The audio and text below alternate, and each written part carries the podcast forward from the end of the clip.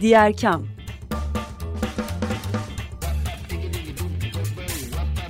Sosyal fayda dünyasından fikirler, tartışmalar, haberler.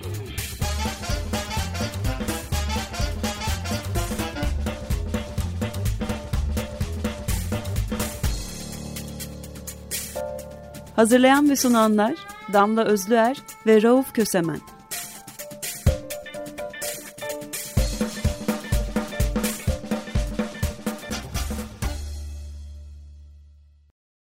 Herkese merhaba Rauf Kösemen ve Damla Özler'le birlikte Diğer Kam'dasınız Açık Radyo 95.0'da. Bugün Türkiye'nin gündemi dedik. E, Akbelen'den Esenyurt'a e, Türkiye'de neleri konuşuyoruz? Sosyal fayda kampanyalarına ve iletişimine ve mücadeleye nasıl etkileri oluyor diye. En baştan başlayalım aslında Temmuz ayında sıcakları konuştuk. Bu sıcakları konuşurken de sıcak çok sıcak daha da sıcak olacak e, demekte bir beis görmüyoruz. İklim kriziyle beraber Akdeniz'in ısınmasıyla beraber e, özellikle Ege ve Akdeniz bölgelerinde Türkiye'nin büyük sıcaklık artışlarını gördük. E, tarihin en sıcak günlerini yaşadık, yaşamaya da devam edeceğiz ve bununla beraber orman yangınları da geldi. Rauf buradan başlayalım mı sıcak bir gündemle? Evet, e, orman yangınları komşuda yani bizim yaşadığımız iki yıl önce yaşadığımız orman yangınları dalgasına benzer bir dalga komşuda başladı. E, Yunanistan'da e, Rodos tümüyle neredeyse bütün habitat, bütün bitki habitatı yok oldu denilebilecek bir ölçüde yandı. E, aynı şekilde Yunanistan'ın çeşitli yerlerinde yangınlar devam ediyor. Sonra İtalya'da e, benzer bir şekilde yangınlar devam ediyor. Bu e, iklim kriziyle ilgili bir şey. E, tabii ki yangınlar iklim krizi nedeniyle çıkmıyor ama iklim krizi nedeniyle yangınlar kontrol edilemez büyüklüklere erişiyor. Sıcaklıklar kontrol edilemez büyüklüklere erişiyor. E, şu anda sen de söyledin Akdeniz e, tarihin en sıcak e, tarihinin en sıcak dönemlerinden birini yaşıyor. Yani deniz sıcaklığı artıyor. Deniz sıcaklığının artması e, şimdi teknik bir şey çok da e, bildiğimiz bizim e, uzmanlık alanımız değil ama deniz sıcaklığının artması aşırı hava hareketlerinin o bölgede oluşmasına neden oluyor. Yani büyük fırtınaların çıkmasına da neden olabilir Akdeniz'deki bu yaşayacağımız şey önümüzdeki günlerde yaşadığımız durum. Akdeniz'le beraber bu bölgenin tamamı ısınıyor. Karadeniz e, ısınıyor. Yani tarihin en yüksek sıcaklıklarını yaşıyor olmamız rastlantı değil. Kutuplarda buzul erimelerinde yine olağanüstü değişiklikler var. Ortalamanın çok bilinen eğilimlerin çok üstünde e, erime hızları veya e, yüksek sıcaklıklarla karşılaşıyoruz. Ya ortada artık geldim, geliyorum, geleceğim falan diye hani 3-5 yıl öncesine ve 10 yıl öncesine kadar konuşulan iklim krizi dediğimiz şey artık ortada ve iklim hani ben olmuşum iklim durumundayız hepimiz. E, buna uymak zorundayız. Bununla beraber e, yaşamanın ve bunu geriye dönüşün, dönüştürmenin ya da e, tahammül edilebilir seviyelere çekebilmenin yolunu bulmak zorundayız. İşte bu yol aslında e, çok hızlı bir şekilde e, fosil yakıtlardan çıkmakla başlıyor. Hani yolun tamamı bu değil ama çok önemli bir merhalesi bu. Fosil yakıtlardan çıkmaktan kastımız ne? Petrole dayalı e, sanayiden vazgeçmek, kömür yakmaktan vazgeçmek, e, termik santraller kurmaktan vazgeçmek, doğal e, enerji kaynaklarını, rüzgar gibi, e, güneş gibi doğal enerji kaynaklarını kullanmaya başlamak ve enerjiyi yerinde üretip yerinde şey yapabilecek başka mikro çözümleri ortaya koymak. Hani bu sonuncusu bir tür fantazi gibi bir şey aslında. Şimdi ne oluyor? Kömürden çıkmak dedik. Kömürden çıkmıyor Türkiye. Türkiye yeni termik santraller kuruyor. E, dolayısıyla bu termik santralleri besleyebilmek için e, bol miktarda da kömür madeni açmaya ihtiyaç duyuyor. Yani işte yatağında yaşananları biliyoruz. 20 yıl sonra e, dava etti köylüler. Bu bölgede tarımı engelledi. Bu bölgede e, hastalıklara neden oldu. Bizim e, üretimimizi zayıflattı diye ve dava sonucunda ispatlandı bunlar teknik olarak ve tazminata mahkum oldu e, bu e, termik santraller. Şimdi bu kadar bariz yani durum artık. Biz yenilerini kuruyoruz. İşte Akbelen, e, gündemimizin başına yazdığımız Akbelen bir termik santral kurulması için yapılmış bir şey. Hemen dibinde İkizköy'de yapıldı bunlar daha önce. E, yani etrafta mesela Bağdamları bölgesinde, e, İkizköy'de, bütün bu bölgelerde e, zaten böyle sınırsız bir takım maden arama faaliyetleri. E, işte orada bir arkeolojik bölge olmasına rağmen çok ciddi bir arkeolojik buluntu e, şeyi olmasına rağmen sistemi olmasına rağmen öğren yeri olabilecek büyüklükte şeyler olmasına rağmen bunlar yok edildi mesela. Kömür madenine feda oldu büyük oranda. Neyse çok uzatmadan şunu söyleyeyim. Kömürü çıkartmaktan vazgeçmiyoruz. Ama acayip olan şu. Ormanların yanması iki türden sorun yaratıyor. Bir, iklim krizinin e, nedeniyle ormanların e, söndürülmesi kolay olmuyor. Yangının yayılması çok fazla oluyor. Ama diğer yandan ormanlar aslında iklim kriziyle mücadele eden e, varlıklar. Yani bir yerde orman varsa o orman karbon tutuyor. Zemindeki toprağında karbon tutuyor. Zemin üzerine yayılmış bitki örtüsünde karbon tutuyor. Ağaçların kendisinde karbon tutuyor. Yani iklim krizinin e, ilerlemesini engelleyebilecek şeyi e, bir kısmını ormanlar, e, görevin bir kısmını ormanlar üstleniyor. E, dolayısıyla yanan ormanlar iklim kriziyle mücadeleyi de zorlaştırıyor. Ama biz şöyle bir şey yapıyoruz. Hem kömür yakıyoruz, yani krizi derinleştirecek adımlar atıyoruz. Hem de o kömürü ormanları keserek çıkartıyoruz. İkili bir acayiplik var. İkili bir saçmalık mı diyeyim artık neyse onun adı. Yani bir akıl tutulması var gerçekten. Ve buna karşı da elbette karşı duruş var.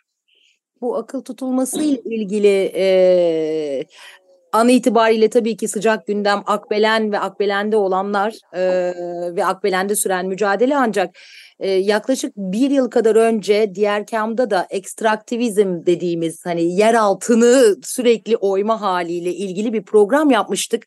Aslında e, baktığımız zaman sadece Akbelen ve Ege'deki ormanlar üzerinden değil bir büyük maden ve madencilik, ekstraktivizm fikri üzerinden konuştuğumuzda önümüzde bazı çok önemli rakamlar var. E, bugün yayınlanan Bahadır Özgür'ün gazete duvardaki yazısında bazı rakamlar vardı. Onlar üzerinden biraz konuşmak isterim. E, Yalova kadar her ay Yalova kadar bir alanı madencilik için e, şirketlere tasfiye ediyoruz diyelim. E, maden ihracatımız 2022'de rekor kırmış 6 milyar 6,5 milyar dolara çıkmış. Maden şirketleri 5 yılda 4 kat büyümüşler e, ve bu ivme ile devam ediyor. Ve metal cevherinde de faaliyet karlılığı yüzde 46, işçi başına karlılık yüzde 68 yükselmiş. Daha bir sürü rakam var ama aslında buradan baktığımızda sadece ormanları ve yutak alanlarını ve iklim krizini değil aynı zamanda verimli tarım arazilerinin madenlere feda edilmesini ne yiyeceğiz, kömür mü yiyeceğiz diye özel olarak soralım. Sorusunun yanlış cevaplanmasını, işi sağlığı güvenliğini yani toplam büyüme ile ilgili perspektifimizde değiştirmemiz gereken bazı şeyler olduğunu görüyoruz. Bir yandan da bununla ilgili mücadele an itibariyle hakikaten yangın söndürmek gibi çıkan yere müdahaleyle yapılıyor ama bu büyük başlığı bir türlü konuşmuyoruz. Yani biz kalkınmayı, sürdürülebilir kalkınmayı ülke olarak nasıl ele alacağız ve buradan nereye doğru gideceğiz? Buralarda ortaklaşa verilmiş kararlar olmadığı gibi e, özellikle Akbelen üzerinden konuştuğumuz e, durumda da daha yeni meclisten geçirmiş olduğumuz ve onayladığımız Paris Anlaşması gibi uluslararası anlaşmaların hükümlerine uymak için atmamız gereken adımlarla çelişen adımları da görüyoruz. Burada özellikle sosyal fayda dünyası nasıl bir toparlama ve nasıl bir hat çizebilir? Kampanyaların iletişimlerine nereden nasıl başlamalı diye sorayım mı? Evet ama bu iş kampanya iletişimiyle falan olacak şeyi çoktan açtı. Yani e, şimdi şu anda e, Akbelen'de büyük oranda eko aktivistler ve yerel halk e, direniyor. Yerel halkın bir kısmı bu süreç uzun bir süreç olduğu için yıllara yayılan bir süreç de olduğu için aynı zamanda yerel halkın bir kısmı da eko aktivistleşmiş durumda zaten. Bunlar aktivist önderler haline gelmişler ama bir kısmı hakikaten normal orada yaşayan insanlar. E, sadece kendi habitatlarını korumaya çalışıyorlar. E, sonradan Akbelen'e bir perspektifle müdahale eden işte çeşitli yeşil e, ve çevreci hareketlerin bir kısmı e, işin bütünsel tarafına bakmaya çalışıyor. İşte iklim kriziyle ilişkisini kuruyor bir kısmı, bir kısmı kapitalizmle ilişkisini kuruyor. Kendine göre herkes buradan bir şey söylüyor ama Akbelen e, aynen Bahadır Özgür'ün söylediği gibi aslında bir bütünsel ekonomik planın parçası olarak orada yaşanıyor. Bu bütünsel ekonomik planla mücadelenin aracı iletişim ya da sosyal fayda dünyası olamaz aslında. Bunun aracı siyasettir. Bu siyasi araçları kullanan e, bir muhalefet tarzı buna engel olabilir. Yani mesele e, tabii ki çok önemli ağaçlara sarılmak. Elbette ağaçlarımızı korumak ve onlarla bütünleşmek ve onları kucaklamak, kucaklamak çok önemli ve çok da güzel bir mesaj veriyor bize. Fotoğrafı değil sadece, mesajı da çok güzel. Hani ağaca sarılmak doğaya sarılmaktır, ağaca sarılmak yaşama sarılmaktır bir yandan da. Bunlar doğru. Ama mesele ağaç değil ki kömür çıkartıyorlar. Mesele sadece ağaç değil. Mesela ağaç değil sen hala anlamadın bunun bir başka tersinden okumasını gerçekleştirmek zorundayız burada. Mesele kömür. Bizim ağaçlarımıza saldırmıyorlar aslında. Kömür çıkartmak istiyorlar. O kadar. Orada ağaç değil e, e, bir beton olsa belki onu da yıkarlar. Yani ya da işte orada başka bir şey olsa onu da yok ederler. Yani denizin dibinde olsa belki o gölü, gölün dibinde olsa gölü kuruturlar. Hani spekülasyon yapmayayım daha fazla saçmalıyor e, durumuna da düşmek istemem ama e, olan şey bu. Dolayısıyla bana kalırsa bu işin iletişimle ilgili tarafı e, siyasidir. Yani bundan sonra söylenmesi gereken şey e, ya kömür ya hayat e, ekseninde bir şey olması gerekir ve bu da siyasetin konusudur. Sosyal faydanın konusu olmaktan çoktan çıkmıştır bana göre. Tam bu noktada başka e, veçeleri de var bu meselenin. E, bunlardan bir tanesi de örneğin e, odun meselesi aslında. Dört bir yanda ağaç kesip satıyoruz. E, hatta e, yaşadığımız büyük yangın felaketinden sonra bütün kurumların canhıraş bir şekilde ormana dokunması, dokunulmamalı, kendi kendini toplayacak dediği yerde hani ben burada olduğum yerden tanıklık edebilirim ki Marmaris ve İçmeler tepelerindeki bütün orman kesildi, odun haline getirildi. Yeni fidanlar ekiliyor yerine ama yeni fidan ekmek yeni orman yapmak değil aslında. Hani fidan sayısı refüjlere ektiğimiz fidanları ağaçlandırma saymak gibi yeni fidanlar ekip onları odun haline getiriyoruz ve bu da çok büyük bir pazar aslında bakarsanız. Örneğin e, geçen yıl yangın sonrasında on binlerce tomruğu Avrupa Birliği'ne ihraç etmişiz. Ee, sonra yangın yolu açmak için yine dört bir yanda ağaç kesmişiz. kesmişiz. Akbelen'deki e, durumda aynı zamanda endüstriyel e, saha ilan edildiği için aslında bir ortak çalışma var. Yani altındaki Linyit e, Holding'e gidecek. Üstü zaten endüstriyel alan e, ilan edildi. Onlar da kesilecek. E, buradan da e, pazarın yüzde otuzuna sahip olan Avrupa'nın ilk üç şirketi Türkiye'den diyelim. E, odun ihracatında tomruk tomruk e, ağaçlarımızı kesip de gönderiyoruz. Yani bütüncül bir e, ekonomik seçimden bahsediyoruz. Burada bir seçim yapılmış, ya şimdi, ilerlenmiş. Onun değişmesi üzerine konuşmamız gerekiyor. Evet e, ama şimdi burada e, cezasızlık meselesini konuşmak lazım önce. Ne alaka diyeceksiniz? E, alaka şu. Şimdi ormanlardaki işte senin tanık olduğun, Marmaris'te tanık olduğun şey e, aslında e, bir nedeni olan bir şey. Yani bir orman yandığı zaman e, ağaçlar yaşamını sürdüremeyecek haldeyse e, o ağaçların yanan kabuk bölgeleri iyice sıyrılıyor, kalanları kereste haline getiriliyor e, ve e, işte sanayinin kullanımına sunuluyor. Şimdi böyle bir yapı var. E, böyle bir yapı içinde sen bunu yapabilirsin normalde ama bunun koşulları olması gerekir. Gerçekten yaşamlarını sürdüremeyecek ağaçlar mı bunlar? Buna bakılması gerekir. E, şimdi biz biliyoruz ki yaşamlarını sürdürebilecek ağaçlara da bunun aynısını yapıyorlar. Yani o ormanı kökten yandı deyip bunu bir fırsat bilip kesiyorlar. Neden bunu yapabiliyorlar? Çünkü cezasızlık ikliminde yaşıyoruz. Herhangi bir şekilde bir soruşturmaya uğramayacaklarını ya da uğrarlarsa bir ceza almadan kurtulacaklarını ya da bir ceza alırlarsa kolayca affedilebileceklerini e, ya da kolayca affedilemezlerse de e, görmezden gelineceklerini, düşük bir para cezasına çevrilerek kurtarılabileceklerini biliyorlar. Asıl problem burada. E, bu problem böyle olduğu sürece olağan durumlar için ortaya koyduğun ekonomik modeller, olağan bir hayatın akışı içinde doğru olan şeyler genelleşiyor, yayılıyor bir e, işte yüksek gelir kazanmak veya hızlı gelir kazanmak, hızlı kar elde etmek gibi amaçlara tahvil ediliyor ve sonrasında da biz bunlarla karşılaşıyoruz. Bilmiyoruz şu anda evet o yüzde işte e, 30 pazar payına sahip şirketlerin hangileri gerçekten kesilmeyi hak eden, gerçekten yeniden kendini toparlaması mümkün olmayan ormandan e, kestilerde gönderdiler. Hangileri oradan oldu şu an bilmiyoruz ve güvenmiyoruz da. Çünkü e, cezasızlık güvensizlik de yaratır. Yani eğer bir yerde adalet yoksa e, bir cezai karşılığı olmuyorsa işlenen suçların veya kabahatlerin e, herhangi bir şey yaptığınızda birisinin başına bir şey gel, geleceğine veya gelmeyeceğine de güvenmezsiniz. Yani bunun karşılığı da vardır. Dolayısıyla şu anda biz güvenmiyoruz. Çünkü cezasızlık iklimi hakim. Ee, herhangi bir konuda da bir onarıcı pozisyon alamıyoruz. Çünkü cezasızlık iklimi hakim. Onarmak yerine yok edip paraya tahvil etmeyi tercih ediyorlar.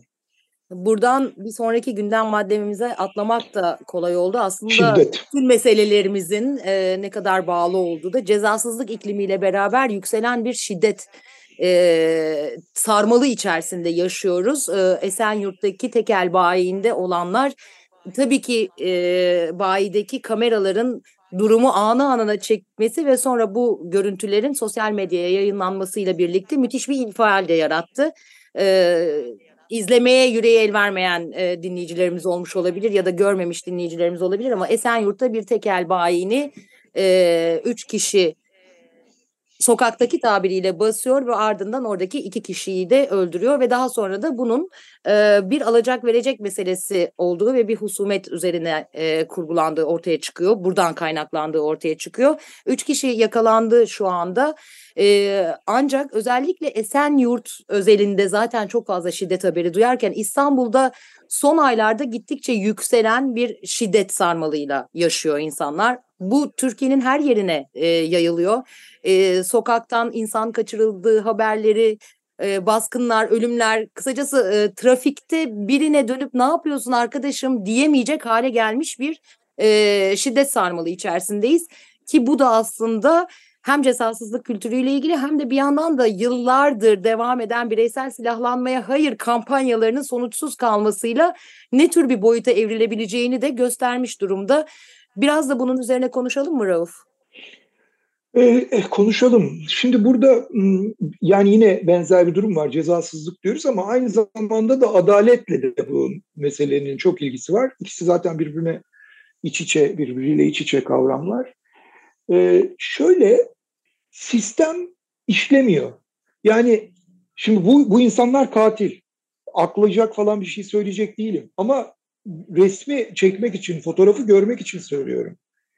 E, sistem işlemiyor. İşlemeyen bir sistemde borçlu, alacaklı vesaire gibi e, mekanizmalar iş, bir şeye dönüştürülemiyor.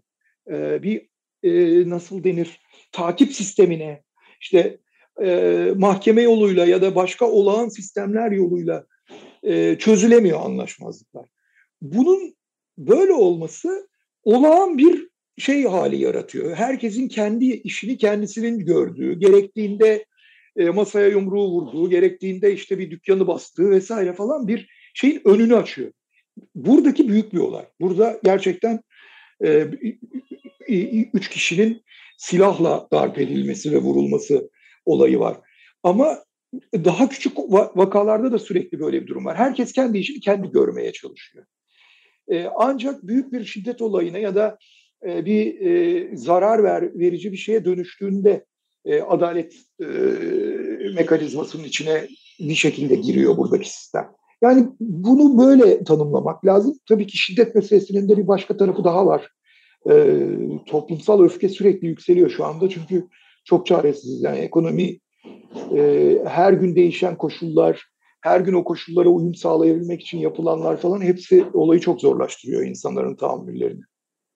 Doğru bir yandan da uzun süredir devam eden bir e, şiddeti kutsama popüler kültür e, ürünleriyle de birlikte aslında çok uzun yıllardır e, kendi adaletini sağlayan erkek kahramanları kutsayan hali hazırda zaten e, derin kökleri olan bir e, popüler kültür ürünleri serisi serimiz de vardı. Aslında bu kutsama hali erkeklik haliyle e, bir türlü hemhal olamamamız, buradan bir çıkış yolu bulamamamız e, bir yandan da hakikaten e, bana yan baktı, o zaman çekerim silahımı durumunu güçlendirdi. Bununla birlikte gelen cezasızlık kültürüyle beraber de şimdi bunun sonuçlarını görüyoruz. Fakat buradan bir çıkışa ihtiyacımız var toplumsal olarak. Yani bunun sürdürülebilirliği nedir? ne kadardır e, sokakların güvenli olmadığı bir ülkede ne yapabiliriz, ne kadar yapabiliriz sorusu ortaya çıkıyor. Aynı şey bu cezasızlık kültürünün kadına ve çocuğa karşı şiddette de görüyoruz yansımalarını. Gitgide artan, ivmelenen bir süreç yaşıyoruz ve bu şiddet sarmalında hiçbirimiz güvende değiliz. Evet değiliz ve e, olacak gibi de gözükmüyoruz. Çünkü bu sarmalı daha da aşağıya doğru indiren, e, tabana doğru indiren, işte okullara doğru indiren bir e, sosyal ve ekonomik ortamda yaşıyoruz. Sosyal, siyasal ve ekonomik ortamda yaşıyoruz. Yani nüfusun e, yarısının biraz fazlasını, yüzde bir fazlasını temsil eden bir e, iktidar var. Diğer yarısı ise sadece kendi başına ve temsil edilmiyor denilebilir. En azından şu birkaç aydır temsil edilmiyor yani. E, seçime kadar temsil ediliyorsa bile seçimden sonra temsil edilmiyor. Böyle de bir sahipsizlik iklimi var doğal olarak sahipsizlik iklimi iki şey yaratıyor. E, terki diyar yani buradan giderim abi e, duygusu. E, ya da e, kalacaksam da kendimi aslanlar gibi savunurum. Hadi işte kendimizi savunacak araçları elde edelim gibi. Başka bir şekilde ifade etmek istemedim. E, araçları elde edelim demeyi tercih ettim. E, bu mesele de yine artık şeyi açmış durumda. Yani bireysel silahlanmaya hayır kampanyası yapalım. Yapalım da mesele orada değil yani bireysel silahlanma tetikleyen ekonomik siyasal ortamı e, ortadan kaldırmak veya onu yumuşatmak zorundayız şu anda. E, buradaki hikaye insanları ikna edecek, ederek e, çözülecek boyutu da aştı yani Türkiye'nin pek çok sorunu gibi. O zaman son iki dakikamıza girmişken bütün bu gündemin aslında çok büyük bir gündemin küçük parçaları olduğunu aslında hepsinin birbirini beslediğini de görüyoruz, konuşuyoruz, söylüyoruz. E, fakat özellikle iklim krizi iletişiminde konuştuğumuz bir şey de vardı. Yani bu kadar büyük bir şeyi e, siyasal iletişimde de, sosyal fayda iletişiminde de çözmeye çalışırken içinde kaybolma hali. O yüzden parçalara, lokmalara bölerek ilerlemeye ihtiyacımız var. Ama o lokmaların da birbirleriyle olan bağlarını yitirdiğimiz zaman toplam meseleyi nasıl ele alacağımız da ortadan kayboluyor. Buradaki bu ikiliyi nasıl çözeceğiz? Çözeceğiz demek istiyorum çünkü bir yandan da teker teker hepimiz burada yaşıyoruz ve hem bu sistemin hem bu sorunların hem de çözümün bir parçasıyız bir yandan da. Nasıl olacak da olacak sevgili Rauf? Ya bunun yöntemi belli. Yani her zaman böyle olmuş. Sonuçta ülke yönetiyorsunuz. Yani yönettiğiniz ülkeyi düzgün yönetirseniz bu sorunlar olmaz. Bu kadar basit. Yani düzgün yönetemiyorsanız düzgün yöneten geçer. Bizde düzgün yönetemiyorlar, düzgün yöneten de geçemiyor. Yönetecek olan da geçemiyor ki yönetip yönetemeyeceğinden de emin değiliz diyoruz artık şimdi bu geriye dönüp baktığımızda. Çok mu özet oldu? Üzgünüm. Evet oldukça da karanlık bir gündem üzerine konuştuk. Ee, Rauf Kösemen ve Damla Özler'le beraberdiniz. 95.0 Açık Radyo'da diğer kamdaydınız. Haftaya meselelerimizle, onlara yönelik e, çözüm pratikleriyle ve farklı konuklarımızla yine sizlerle beraber olacak. Şimdilik hoşçakalın. Hoşçakalın.